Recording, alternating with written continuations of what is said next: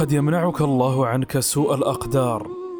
على هيئة عطل في سيارتك تأخرك في استيقاظك من نومك.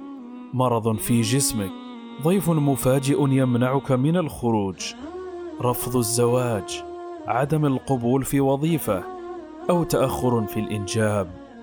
تذكر فقط لو فتح الله لنا الغيب لسجدنا شكرا على أمور حجبها الله عنا. فالحمد لله دائما وابدا.